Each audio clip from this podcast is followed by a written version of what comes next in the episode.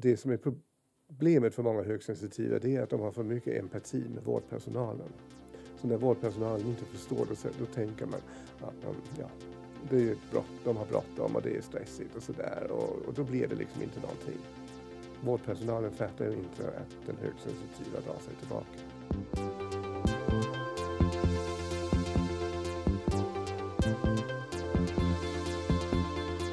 Du lyssnar på HSP-podden med Leveby och Klar.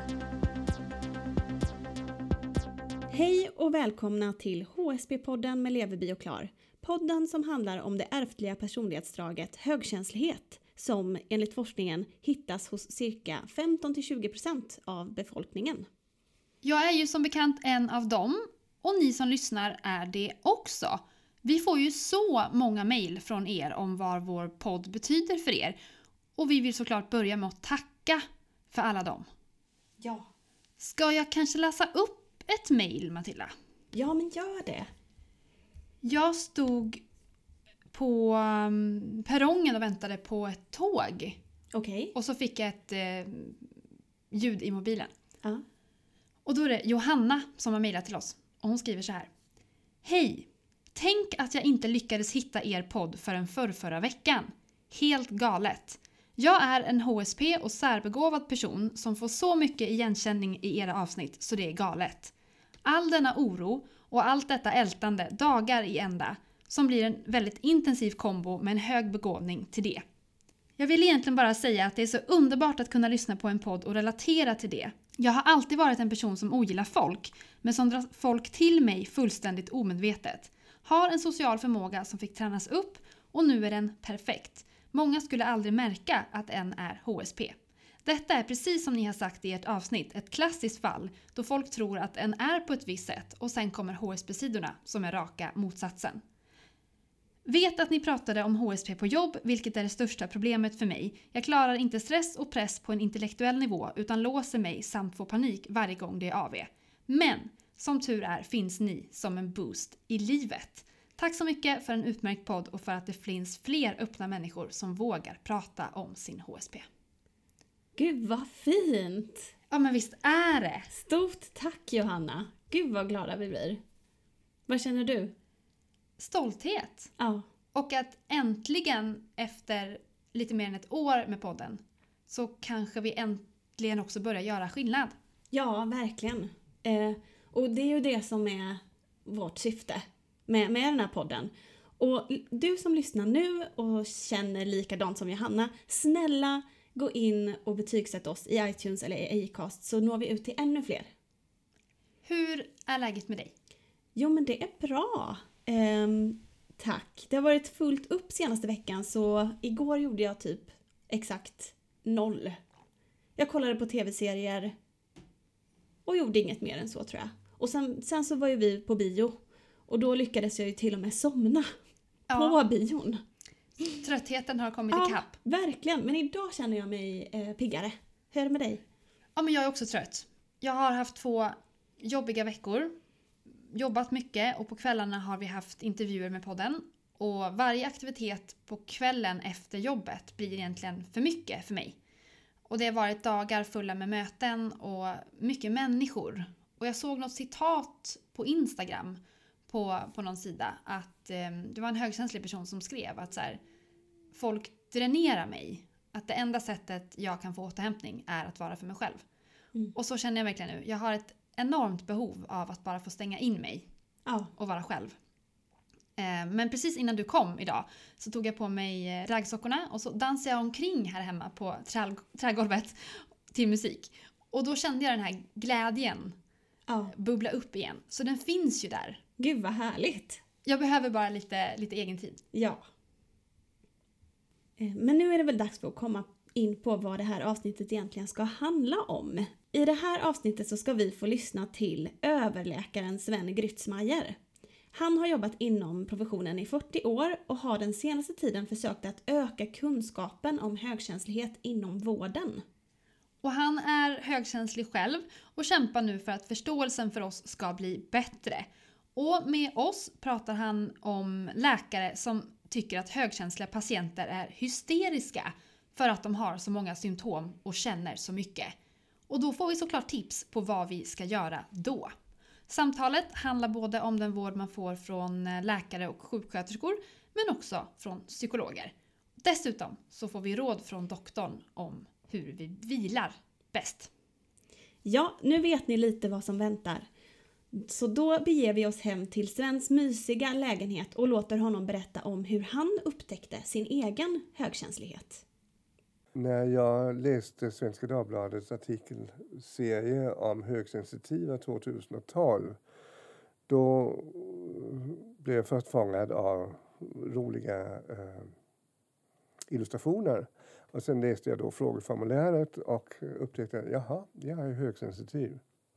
Jag brukar inte läsa sådana formulär för jag tycker det är larvigt. Men, men den här fångade mig och då tänkte jag till och med jaha. Då tänkte jag att det här har jag vetat hela mitt liv. Eh, så nu förstår jag bättre varför jag reagerar på, på, i vissa situationer än vad jag har gjort tidigare. Sen läste jag omedelbart mera om det och i Elaine Arons bok och förstod ännu mer eh, om det. Det var en sak jag inte förstod för en klassisk högsensitiv gillar inte förändringar och jag är väldigt förtjust i förändringar. Men det löste sig när jag läste Elaines andra bok där hon skriver om high sensation seekers. För jag är en sån och då föll liksom allt på plats. Sen tog jag kontakt med HSP-föreningen och, som just hade bildats och Anne Frostad som var utgivare av Elaines böcker. Och eh, pratade lite med Anna och sådär och eh, problemet var ju redan då liksom att i sjukvården känner man ju inte till det här överhuvudtaget. Elaine har ju forskat sedan 91 men det tar ju många, många år innan sånt kommer ut till allmän kännedom. Så då pratade vi lite om att jag var ju mycket intresserad av att berätta mer om det här för kollegor och så. Och då ordnade Anna Frostad att jag fick träffa Elaine privat till ett längre samtal som var väldigt utbytesrikt. Och Elaine tyckte det var jättebra om jag vill föreläsa lite om det här. Men tills vidare har jag mest fram föreläst i HSP-föreningens regi kan man säga. Hur tycker du att kunskapen är om högkänslighet inom vården? Oh, den är väldigt liten. Det här är ju inte på något sätt något som man undervisar om på universiteten eller på vårdhögskolorna för att eh, det är för nytt än så länge. Vad kan det betyda just för högkänsliga personer om det skulle finnas mer kunskap? Tror du? Och det skulle betyda väldigt mycket. För det första skulle de få lättare att göra sig hörda när det gäller att beskriva sina symptom. Och för det andra så skulle den vårdpersonal som har hand om den högsensitiva också möta den högsensitiva på ett lite bättre sätt. Det som är problemet för många högsensitiva det är att de har för mycket empati med vårdpersonalen. Så när vårdpersonalen inte förstår det då tänker man att de, ja, det är brott, de har bråttom och det är stressigt och sådär och, och då blir det liksom inte någonting. Vårdpersonalen fattar ju inte att den högsensitiva drar sig tillbaka. Vad skulle du ge för tips då för den högkänsliga patienten? Ja, att berätta att man är det. Att inte använda metaforer, för det är inte alla som förstår det. Och eh, om vederbörande vårdpersonal inte förstår det så ber de läsa Elaines bok. Eller gå in på HSP-föreningens hemsida och titta lite på det. Men är det viktigt att berätta om högkänsligheten just i mötet med vården? Det kan det vara om det är så att man har psykiska problem tror jag att det är väldigt viktigt. Man behöver inte göra det om man har brutit ett ben eller något sånt. Men det beror på lite vad man nu söker för. Men Elaine Aron säger ju till exempel, och jag tror hon har helt rätt i det, att högsensitiva är överrepresenterade i den psykiatriska vården. Därför att en högsensitiv får lättare symptom av olika slag och där tror jag det är väldigt viktigt att man som vårdpersonal då vet att det är en högsensitiv man har framför sig. För att en högsensitiv är för det första kan man lättare bearbeta olika saker. Eh, psykodynamisk behandling, alltså psykoterapi eller, eller längre psykologbehandling passar jättebra för högsensitiva som i förväg är bra på att bearbeta saker. KBT är också bra för dem, men man har ett mycket bredare spektrum. De allra flesta högsensitiva personer klarar sig väldigt väl här i livet. Har man haft en dålig barndom, ja, då får man eh, också uh, mera besvär som uppväxt, i sin uppväxt och som vuxen. För att man inte har blivit sedd eller för att man har blivit dåligt behandlad. Och där är högsensitiva ju inte lika robusta som kanske normosensitiva. Och där, där tror jag det kan vara väldigt bra att också beakta det när man ser på en patient som söker med psykiska problem. Att, att barndomen betyder mycket det är för symptom och sånt, det vet vi ju alla, men det är ju inte det som ger sjukdomen eller personlighetsdragen. Men det färgar liksom hur man um, upplever det och hur man reagerar framför allt. Och man kanske också ska se på att många högsensitiva blir utbrända. Eh, för det tycker jag mig också se. Att, uh, och vid den patientgruppen tror jag det är extremt viktigt att man ska veta. Alltså om man har man utbrända personer framför sig, liksom, är det en högsensitiv som har stimulerats för mycket? Och som ska vila i första hand. Det, där tror jag det är väldigt viktigt. Vilka missförstånd tror du kan uppkomma när patienten egentligen bara är högkänslig men när läkare eller ja, inte det, förstår? Ja, det kan vara så att de tycker att patienten är hysterisk för att de har så många symptom och känner så mycket. Det, det kan vara ett. Eh, om man inte liksom tänker på att folk är olika känsliga och folk kan uttrycka sig på olika sätt. Det är något av det man lär sig ju längre tid man arbetar som vårdpersonal. Det gäller både läkare och alla andra. Nu tror jag att många av våra lyssnare nog eh, tänker att de själva drar, kan dra sig till minnes just ett sånt ögonblick i vården när man har blivit sedd som galen eller hysterisk. Där vill jag nog säga till de högsensitiva att man ska inte ge upp. Tvärtom så ska man, om man märker att man inte blir förstådd, så ta fram och berätta om vad högsensitivitet är och säg till vårdpersonalen, vem det nu än är, att läs den boken eller läs hemsidan och så kan vi prata igen eller så. För man måste ju liksom berätta om det. Jag tror det är en väldigt stor fördel att man egentligen gör det. Finns det risk att eh, högkänsliga blir feldiagnostiserade? Ja, det gör det ju förstås eh, om man inte känner till det. För man kan ju tro till exempel att det är en hysterisk person. Det är det ju inte. Men, men om man inte känner till det så kan man missuppfatta den högsensitivens beskrivningar av sina symptom. Och att man känner extra. En högsensitiv känner ju ofta extra än vad andra gör. Det behöver inte vara farligt det man känner. Det kan vara för att man är högsensitiv, att man känner lite mer. Eller har lite mer ont eller så. Och då tror jag det är väldigt viktigt att man kan diskutera det. Men törs man då stå på sig om någon tror att man är galen? Ja, det tycker jag. Jag tror att det hjälper. Det, till den högsensitiva ligger det lite att vara diplomatisk och inte vara för brysk och sådär. Liksom. Men säg ifrån om något inte passar. Det, det är också något man måste lära sig som högsensitiv. Vad brukar folk säga på dina föreläsningar? Ja, många berättar ju att de har haft det här draget hela sitt liv och hur det har varit i deras liv. Och sen frågade man också väldigt mycket om man kan få kontakt med en läkare som kan det här. Och jag har försökt, jag har ett litet nätverk av kollegor som jag kan hänvisa folk till. En del frågar mig också om när det gäller högsensitiva barn som är ett speciellt kapitel och vem man kan hänvisa till då också förstås. Det är nog de flesta frågorna jag har haft. Jag kan tyvärr inte säga att jag har en lista på läkare som man ska prata med. Jag vet att det är tuffare men det är alltså bättre att man konfronterar sin egen läkare eller sjuksköterska. Hur tycker du själv att ditt liv förändrades efter att du förstod att du är högkänslig? Och jag har blivit mycket bättre på att vila. Och jag har blivit mycket bättre på att ja, gå hem tidigt, även om jag tycker väldigt mycket om någonting. Att inte gå ut flera gånger i veckan till exempel, för då blir jag för trött. Eller rättare, jag blir trött på det sättet att då blir jag irriterad när jag är på jobbet och ilsken och arg på alla, alla även om jag inte visar det och sådär. Men så fort jag liksom har vilat mig, då försvinner allt det där på en gång.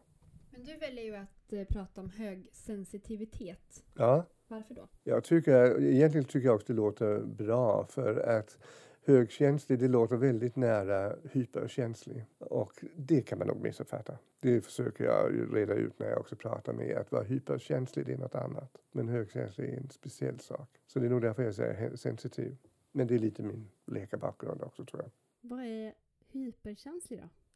Hyperkänslig, och det är att man reagerar för våldsamt på allt möjligt och det har en väldigt negativ klang. Så det låter nästan som hysterisk. Hyper, det är när det är för mycket hög säger bara att det är högt. Hur ska vården få bättre kunskap om högkänslighet? Och undervisning, undervisning och åter undervisning. Från vilka då? Ja, för, uh, folk som kan uh, något om högsensitivitet och Eh, gärna patientorganisationer som ställer upp och ger föreläsningar. Ursäkta, det är inte en patientorganisation. Men en, eh, jag ska säga, eh, intresseförening egentligen. Borde det kanske finnas med i utbildningen? Ja, det tycker jag absolut. Eh, Men eftersom jag har hållit på med utbildning på vårdlinjerna i 40 år så vet jag att det tar en evig tid innan det kommer så långt. Vad tror du att samhället skulle kunna vinna på om kunskapen om högkänslighet inom vården blev större? Oh, det, skulle, det betyder alltid något bra om man blir medveten om hur olika vi alla är. Och att man ska tänka på det och ta hänsyn till det. Så det tror jag skulle vara väldigt bra. Jag tänker just på att högkänsliga är överrepresenterade när det gäller depressioner till exempel. Ja, och utbrändhet till exempel, det skulle man ju, det skulle ju vara mycket värdefullt om man visste mycket om det redan nu. Därför att många högkänsliga uh, ska egentligen, alltså innan man kommer så långt som man blir utbränd så ska man alltså lära sig att vila. Och lära sig uh, och tänka på annat och koppla av och koppla ifrån. Det har högkänsliga eller högsensitiva svårt för. Men det är något man måste lära och träna. Det måste alla göra och alla med kroniska sjukdomar måste göra det men högsensitiva måste definitivt göra det. Därför att som högsensitiv har man, hos många är det ett väldigt stort mått av omhändertagande. Man ser ju liksom alla som mår dåligt runt omkring sig och så vill man göra något åt dem. Och man bränner upp sig och man gör det hela tiden. Jag har sett många, många fall på det. Så det är väldigt viktigt att man kan sätta gränser för sig själv. Det är jättebra att man är empatisk och att man förstår väldigt mycket men man måste också välja det och det ska jag lägga mig i, det och det ska jag hålla mig ifrån. Jag får liksom tänka på hur mycket jag orkar själv. Brukar du själv ge tips till högkänsliga som du möter? Just om det här med, med vila och återhämtning. Absolut. Hur, tas, hur brukar det samtalet se ut? de ser lite förvånade ut. Men sen när de tänker till lite om det så förstår de att det stämmer nog. Hur gör du själv för att koppla av mest? Jag är hemma, lyssnar på klassisk musik, eh, umgås med mina katter som i sig ger väldigt mycket lugn och ro. Jag bestämmer mig för att jag går inte ut varje kväll i veckan och eh, numera kanske en gång i veckan. Och det gäller då teater eller något sånt. Alltså man kan göra det två eller tre gånger men då blir jag för trött. Och i helgerna har jag åtminstone en dag där jag inte gör någonting. Det är en annan sak man ska lära sig som högsensitiv. Det är okej att inte göra något. Det är faktiskt riktigt bra att inte göra något en hel dag. Och bara vara lat och inte göra någonting. Det är väldigt bra för hälsan. Är det order från doktorn? Absolut. Tack så hemskt mycket Sven Tack. Grytzmeier för att du var med i HSB-podden med Leverby och Klar. Tack. Ja, men jag undrar om man ska våga säga nästa gång i sjukvården att man är högkänslig. Ja, alltså varför inte tänker jag. Men framförallt så ska man väl vara tydlig med sina behov. Det är ju nummer ett. Ja, framförallt det här tänker jag med eh, bemötandet har jag haft väldigt svårt med när jag har träffat läkare. Ja. Jag har en eh, kronisk sjukdom som gör att jag har ganska mycket möten med, eh, med läkare och sådär. Och nu har jag lite speciella personer så att det är samma jag träffar hela tiden. Men eh, de är ju ganska... Alltså, vad ska jag säga? Jag tycker inte att de har så jättebra social kompetens alla gånger. Nej. Och empatin undrar jag också hur det står till med. Det är, det är lite så här som att de läkare jag har, de kan ha gett så dåliga besked som, som jag skulle prata om vädret. Alltså vet, det är väldigt så här Ja. eh, entonigt och ja, nu står det till så här att det är på det här sättet. Och jag tänker, de gör ju det här hela dagarna. Ja. Men ändå. Har du försökt att säga någonting om det? Nej, det har jag inte. För nu var det nog ett år sedan jag hade ett möte. Men nästa gång kanske jag ska det. Man blir ju också äldre och törs säga till mer om hur man Precis. vill ha det. Ja. Både hur man vill ha det men också ställa alla frågor som man har. För an- ibland kan man också vara lite sådär att man respekterar deras yrkesroll och att de kan så mycket. Men så missar man att ställa frågor om "Ja, men vad betyder det egentligen? Ja, för att man känner sig lite underlägsen och inte riktigt törs. Ja, Där brukar rådet vara att man ska ha med sig en person. Så att Ja. man har två till par öron. den är ju bra. Och den personen kanske också kan agera lite eh, skyddsperson. Ja, för det är ju inte alltid man är med där heller om man får ett besked som inte... Ett, ett dåligt besked helt enkelt. Då, då är man kanske inte riktigt där i huvudet att man är med på att ställa de här frågorna. Så Sven Grytzmeier han pushar ju på där att vi ska våga säga till och vi ska prata om våra behov. Men han gav ju också en väldigt eh, mycket bra information. Just där att eh, vi högkänsliga är väldigt bra inom eh, olika terapiformer. Ja, Att vi har lättare än andra att gå i terapi för att vi har så lätt för att bearbeta våra känslor. Det är ju jättepositivt. Ja, det kommer som ett rinnande vatten när vi väl sätter igång. Exakt. Däremot så verkar vi också behöva lite mer eh, psykolog och psykiatrikerhjälp. Ja, Men jag tycker att det är, det är personlig utveckling. exakt. Och om ni vill höra mer från Sven Grytzmeier så kan ni gå på en av hans eh, föreläsningar. Nästa tillfälle är den 10 november i Stockholm och där kommer det även finnas möjligheter till frågor och diskussion. Läs mer på sfo.se. Innan vi avslutar det här avsnittet så ska vi väl läsa en dikt av Bertil Monegrim, eller vad säger du Ida? Jag längtar. Här kommer Vid himlens grind. Det blåser en kylig vind i kvällens mörka rum. En stjärna syns vid himlens grind och dess skönhet gör mig stum. Jag kan ej nå den med min hand, men jag vet att den finns. Långt bortom drömmars land, något vackert som jag minns. Är det bara jag eller pratar Bertil lite grann om klockan som vi har ställt om? Det kan det vara, definitivt. Man kan tolka in allt möjligt. Ja, Det får vi se hur det går nu när vi, har, när det blir mörkare på eftermiddagen. ja, jag ser inte fram emot det. Usch och fy. Men vi är i alla fall här för dig som en eh, vän i mörkret, eller vad Ja, säger man? Ett ljus i mörkret. Ett ljus såklart. Och vill ni kontakta oss så kan ni göra det på mail, leverbyoklar.gmail.com eller så kan ni skicka ett meddelande på Facebook. Där heter vi HSP-podden med Leverby och Klar. Och Instagram, där heter vi HSP Leverby Klar. Och glöm återigen inte att prenumerera på oss i iTunes, Acast eller i din favoritpodcast-app. Nu tackar vi för det här avsnittet. Vi är tillbaka igen om en vecka och då ska vi prata kärlek. Såklart, allas favoritämne, eller vad säger du Ida? I alla fall mitt. Vi ses, eller vi hörs då. Hej då! Hej då!